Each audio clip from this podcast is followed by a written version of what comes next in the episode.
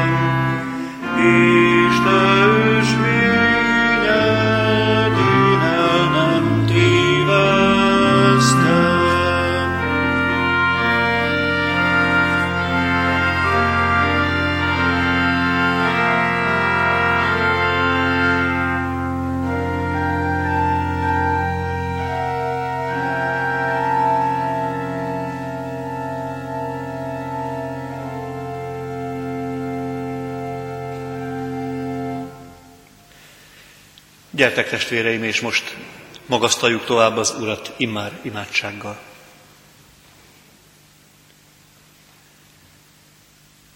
Urunk, hálásak vagyunk neked. Hálásak elsősorban azért, mert itt lehetünk, mert eljöhettünk, eljuthattunk ide. Hálásak vagyunk azért, mert éltettél minket. Mert most is éltetsz minket, itt vagy velünk. Azt szeretnéd, hogyha fejlődne, haladna az életünk. Köszönjük, Urunk, hogy a Te akaratod ez. Ha magunkban nézünk, akkor sok minden mást is láthatunk. A fejlődésen, a haladáson kívül. Mert tudunk, van, hogy úgy érezzük, megrekedtünk. Urunk, szeretnénk most Te előtted erőre kapni. A neked szóló dicséretből, a dicséret szavaink keresztül is, de elsősorban a Te válaszodból, a Te igédből, a Te jelenlétedből erőre kapni. Szeretnénk, Urunk, másképp tovább menni, mint ahogyan jöttünk.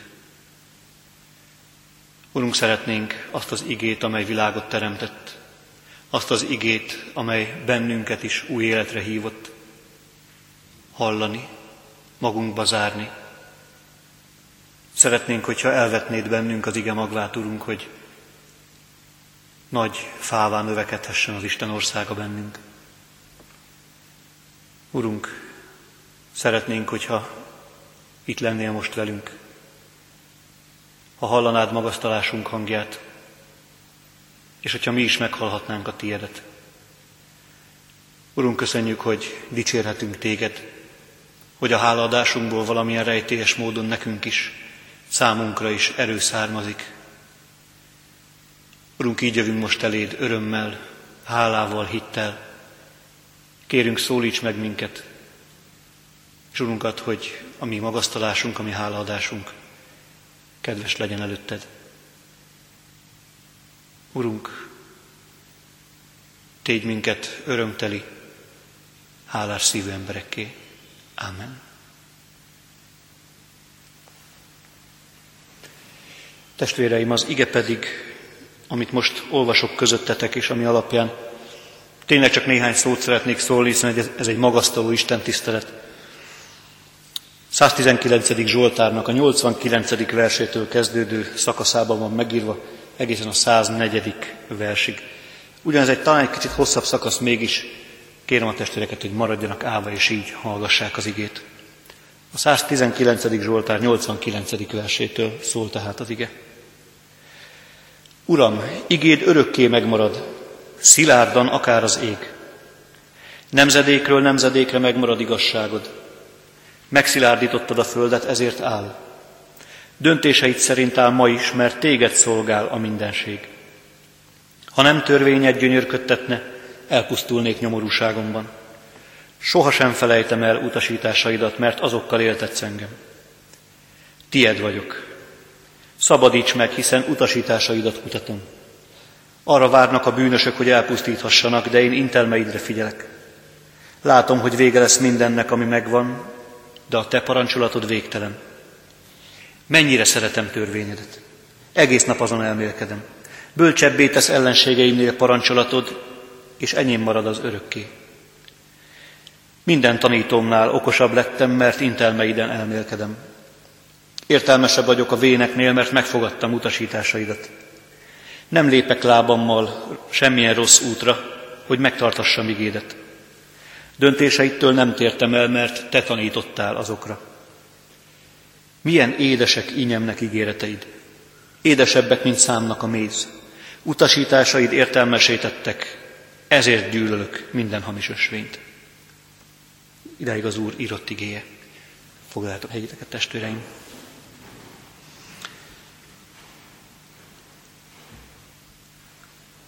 Egy dolgot szeretnék csak megemlíteni ebből az igéből, ez pedig az az egyetlen egy gondolat, többször is megjelenik egyébként a 119. Zsoltárban, újra és újra visszatér. Hogyha nem a te parancsolataidra figyelmeznék, ha nem arra figyelnék, amit te mondasz, Uram, már réges-régen elvesztem volna. Az életem már régen romokban heverne, hogy kicsit hétköznapibb nyelven fogalmazzuk ezt meg. Ha nem figyelnék rád, és nem akarnék engedelmeskedni neked, akkor az, akkor az életem már romokban heverne. És ezért magasztalja az Istent, mert van kire figyelni tulajdonképpen. Sokféleképpen fogalmazza meg ezt a 119. Zsoltár is, de a lényeg tulajdonképpen ez. Olyan jó, hogy figyelhetek rád, Uram. Olyan jó, hogy egyáltalán van kire figyelni. Mert, és ezt már mi is nyugodtan megállapíthatjuk, valamilyen törvényt az életünknek úgy is szabunk. Vagy átveszünk valaki mástól törvényeket, vagy mi magunk alkotunk, lásd öntörvényű kifejezésünk. De mindenképpen az életünket törvények szabályozzák. Akár ilyenek, akár olyanok. Megvannak a magunk szokásai, megvan a magunk napi rutinja, ez mindenkinek talán más és más. Mikor kell, mit csinál először, mi a második lépés, stb. stb. És ki tudja, hány lépés van a nap során, amit minden nap szinte majdnem teljesen ugyanúgy végigjárunk. Megvannak a törvényszerűségei az életünknek. Csak az a nagyon nem mindegy, hogy ezek a törvényszerűségek honnan jönnek és miből táplálkoznak. Mert gyárthatunk magunknak törvényeket az életünkre nézve, amik még talán látszólag meg is tartanak minket. Ha valaki látott már James Bond filmet, akkor azt tudja, hogy a James Bondnak az első szabálya az, hogy nem bízik senkiben. Ez az, ez az ő nagy, egyetlen egy igazán nagy törvénye. Ne bíz senkiben. Persze ez behatárolja az életet, hiszen olyan érzelmeket, mint szeretet, mint szerelem, mint barátság, ilyeneket ez a főhős nem engedhet meg magának. Behatárolja az életét, azért, hogy némi fájdalmat, becsapottságot, talán még félelmeket is ezáltal kizárni az életéből. De egy csomó mindent lezár. Így, van, így vagyunk a saját törvényeinkkel mi is. Bizonyos törvényeket meghozunk, mert úgy működőképes az élet, úgy látjuk működőképesnek az életet. És hogyha most így végigkérdeznének titeket testvéreim, hogy mi az első számú törvény nektek, akkor lehet, hogy ha vagyunk itt 10-15-en, mind mást mondanánk. Lehet, hogy mind mást mondanánk. Mi az az első dolog, mi az a legnagyobb dolog, ami irányítja az életemet? Amilyen törvényt soha nem szegek meg, mert már volt, amikor megszegtem és porul jártam. A Zsoltár írója egyértelműen azt mondja, Uram, a te törvényedet szeretném a magamévá tenni. Én is tudok gyártani törvényeket. Együtt jár ez az Isten képviséggel. Sőt, együtt jár ez azzal, hogy megmondom, mi a jó és mi a rossz. Megmondom, hogy mi a jó az életemben és mi nem. És felállítok egy-egy törvényt. Ez a törvény, tapasztaltam már, ez jó. Más dolog, más szokás meg, arról meg azt tapasztaltam, hogy rossz. Az egyiket magamévá teszem, a másikat elutasítom. A Zsoltáros azt mondja, hogy én, Uram, ha te törvényedet szeretném a magamévá tenni. Nem akarok magamnak kitalálni különböző törvényeket. Nem én akarom beszabályozni az életemet. Úgy is beszabályozom egyébként. Olyan nincs, hogy valaki tökéletesen szabad, ez egy nagy hazugság és illúzió. Mind szabunk keretet az életünknek. De Zsoltáros azt mondja, Uram, én a te szabályaidat, a te kereteidet szeretném átvenni az életemre nézve. Miért? Mert magamban már annyira nem bízom. Meg másba sem. Mert tapasztaltam, hogy ha én szabok magamnak törvényt, nem örök érvényű. Ha más szab nekem törvényt, hát az se örök érvényű, sőt, az még lehet, hogy meg is nyomorítja az életemet. Lásd, rabszolgatartás. Meg voltak a rabszolgatartásra néz, nézve a római törvények. Beszabályozott volt, de a rabszolgákat meg kellett volna kérdezni, hogy nekik jó ez. Ugyanígy teltem magamat is rabszolgává. Teltem magam szolgával saját magam szolgájává, vagy másévá. Zsoltáríró azt mondja, nem akarom se saját magamévá, saját magamat, sem más szolgája nem akarok lenni, csak a tiéd, Uram. De miért pont az Istené? Miért pont ez ennek az Istennek a törvényeit akarja az életére nézve kötelező érvényűvé tenni maga a Zsoltáríró? Mert nem mások, nem az Isten kényszeríti rá a törvényeit. Ő mondja, ezeket, ezek szerint szeretnék élni, ezeknek akarok engedelmeskedni. Miért? És erre egyetlen egy kifejezése van, azért, mert ezek az igék, ez a törvény örökké megmarad. Így kezdi a 89. vers. Uram, igéd örökké megmarad szilárdan, akár az ég. A Zsoltár írója azt mondja, olyan törvényre szeretnék építeni, ami nem változik meg máról holnapra. 2013-ban, csak hogy érzékeltessen egy kicsit a kontrasztot, egy olyan Magyarországon élünk, ahol nem lehet tudni, hogy holnap milyen törvényt fognak hozni. És mikor változtatják meg majd újra az alkotmányt, ki tudja, hogy miért és éppen milyenre. Ki tudja, hogy holnaptól az életet pontosan milyen törvények szabályozzák majd itt ebben az országban. Hát ezt majd holnap tudjuk meg. Zsoltáríró azt mondja, hogy én nem ezek szerint szeretnék élni. Én olyan törvényt keresek, ami örökre megmarad. Ami tegnap, ma és mindörökre ugyanaz. Olyan Istent keresek, aki nem változik. És azért magasztalja az Istent, és ide akarok végül kiukadni, mert az Úristennél megtalálta azt a törvényt. És azt mondja, hogy erre, épp, erre most már építhetem az életemet. Uram, te örökké megmaradsz. Minden, ha, ha minden el is múlik, akkor is megmarad a törvényed. Bármi történjen. Ahogyan Jézus mondja ezt később, az ég és a föld elmúlnak, de az én igéim, az én parancsolatom soha el nem múlnak. Erre lehet építeni. Szilárdra, biztosra. Megmarad szilárdan akár az ég. És ezért magasztalja az Istent. Mert van ilyen törvény, mert lehet találni ilyen törvényt, és ez egy óriási dolog. Mert az embernek mindig sajátja volt az, a legkülönbözőbb vallásokat ez, ez ügyben meg lehet nézni, hogy az Isten felé törekedjen. És a legkülönbözőbb módszerek vannak erre nézve. Mit kell tenni ahhoz, hogy elérjem az Istenséget? Hogy kell meditálnom, hogy kell, stb. stb. stb. Itt a csodálatos az, hogy azt mondja a Zsoltáríró, nem én törekszem feléd, Uram. Mert hiába törekednék felét, hogyha te nem akarsz hozzám szólni, akkor nem fogsz hozzám szólni. Ez pont olyan, mint bármelyik kapcsolatunk, baráti kapcsolatunk. Én ugyan beszélhetek hozzád, én ugyan törekedhetem áttörni a falaidat, ha te nem akarsz velem beszélgetni, akkor abból nem lesz beszélgetés. Legfeljebb sértődöttség lesz. Szóval az a csodálatos, és ezt a Zsoltár író is elmondja, hogy, hogy vannak ilyen törvények, és hogy ezek az enyémek lehetnek. Hogy az Isten szóba áll velem. Hogy az Isten elmondja, hogy milyennek akarja látni az életemet. Pontosabban nem az, hogy milyennek akarja látni az életemet, sokkal inkább milyen az az emberi élet, amit érdemes élni. Ezt elmondja az Isten, és ez egy mekkora dolog. Mert csinálhatná azt, azt is az Isten, hogy tudod mit ember, ha el akartál szakadni tőlem, boldogulj, hogy akarsz. Csináld, ahogy akarod. Ha ennek következményeképpen örülsz, akkor örülj. Ha elbuksz, akkor bukjál el. Engem hagyják ki a dologból, mondhatná ezt az Isten. Te választottad, nem engem választottál, saját magadat választottad, akkor boldogulj egyedül, ahogy tudsz.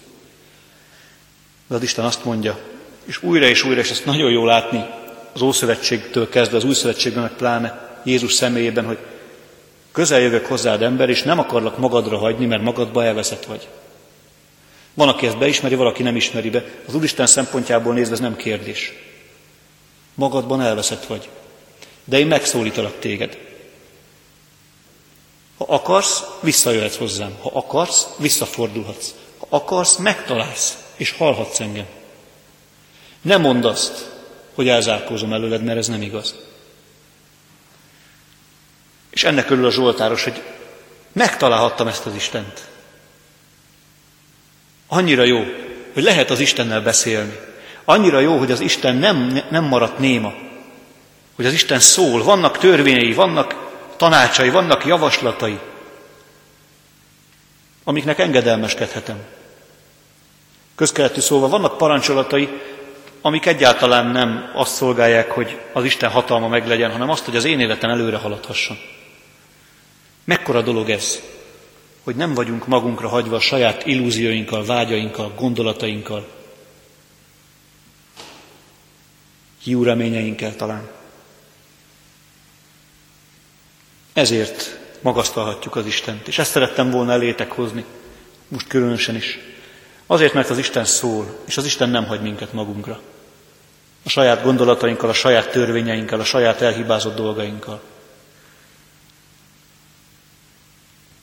Azt mondja, jöhetsz hozzám, szólok hozzád, meghallhatod a hangomat, és életed lehet belőle. Ezért dicsérjük és magasztaljuk most az Istent. És kérlek benneteket, testvéreim, hogy néhány, valóban néhány percnyi idő lesz ez, saját magunkban kiki egyén imádságát vigye az Úristen elé, és aztán majd egy közös imádsággal, hangos szóban folytatjuk az imádkozást. Urunk, hálás a szívünk, hálás, mert hallod és meghallgatod imádságainkat. Hálás a szívünk, mert olyan Isten vagy, akit el lehet érni.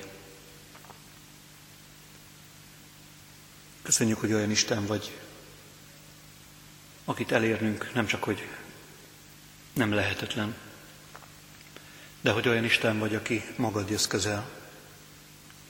Köszönjük, hogy nem nekünk kell kiválónak lennünk, magasra törnünk, hanem Te vagy az, aki szóba állsz velünk, azon a helyen, abban a helyzetben, abban az életben, amiben vagyunk, amiben élünk. Urunk, nem tudunk neked ezért elég hálásak lenni. Azért a kapcsolatért, amelyből élet származik, amelyben kivirulhatunk, amelyben örülhetünk, lehet derünk, amely soha meg nem szűnik igazán. Urunk, hálásak vagyunk a veled való kapcsolatért. Azért, hogy a te igéd, a te törvényed, a veled való kapcsolat nem múlik el soha. Hálásak vagyunk, mert ezt nem magunktól tudjuk, nem mi akarjuk így. Nem mi szabtuk ezt magunknak, mint törvényt, vagy mint reménységet, hanem Te mondod ezt nekünk, Te ígéred nekünk. Köszönjük, Urunk, hogy a Te törvényed, a Te igét kőszáként megáll, és megszégyenül, aki bántani próbálja. Urunk, köszönjük, hogy mi, akik igyekszünk engedelmeskedni a Te törvényednek, látjuk annak értelmét és hasznát az életünkben. Köszönjük, Urunk, hogy nem hagysz, nem hagysz minket magunkra, saját magunk szabta törvényekkel, szokásokkal, gondolatokkal, vágyakkal. Urunk, köszönjük, hogy neked van terved az életünkre nézve, és hogy ezt a tervet ismerté is teszed előttünk. Uram, arra szeretnélek kérni, hogy mindannyiunknak hagy vágyat arra nézve, hogy a te törvényednek engedelmeskedjünk.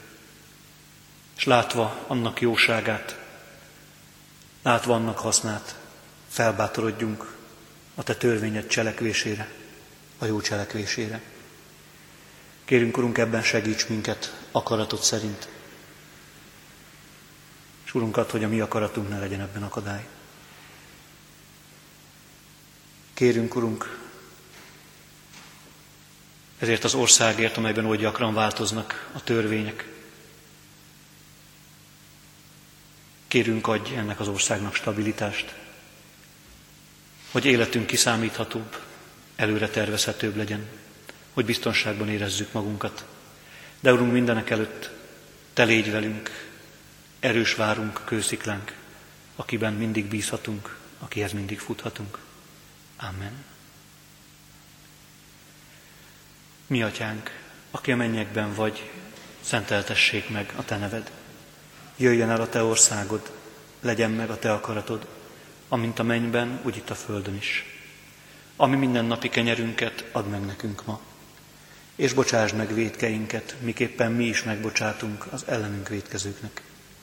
És ne vigy minket kísértésbe, de szabadíts meg minket a gonosztól, mert tied az ország, a hatalom és a dicsőség mindörökké.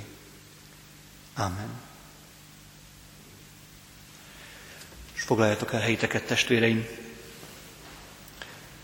És az áldásvétele előtt dicsérjük az Urat a már megkezdett 119. Zsoltárunkkal. Ismét egy hosszabb énekes blokk rész következik az Isten tiszteleten. Énekeljük a 119. Zsoltár 45-től 48. verseig tartó verseit, ezt a négyet, és a 119. Zsoltár utolsó négy versét, azaz a 85-östől a 88-ig terjedőket, megint 8 verszakot. 45-től 48-ig, illetve 85-től 88-ig. Mindörökké, Uram, a Te igéd megáll, és megtart a magas mennyekben.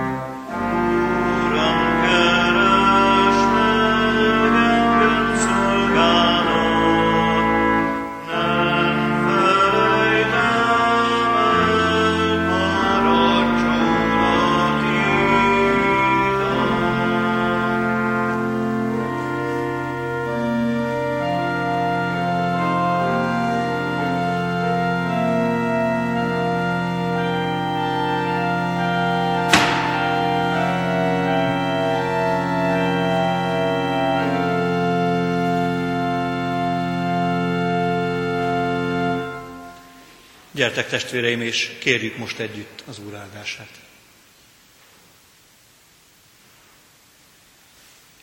Íme az ég és a föld elmúlnak, de az én, beszéd, de az én beszédeim soha el nem múlnak. És az Istennek békessége, amely minden értelmet felülhalad, meg fogja őrizni szíveiteket és gondolataitokat a Krisztus Jézusban. Amen.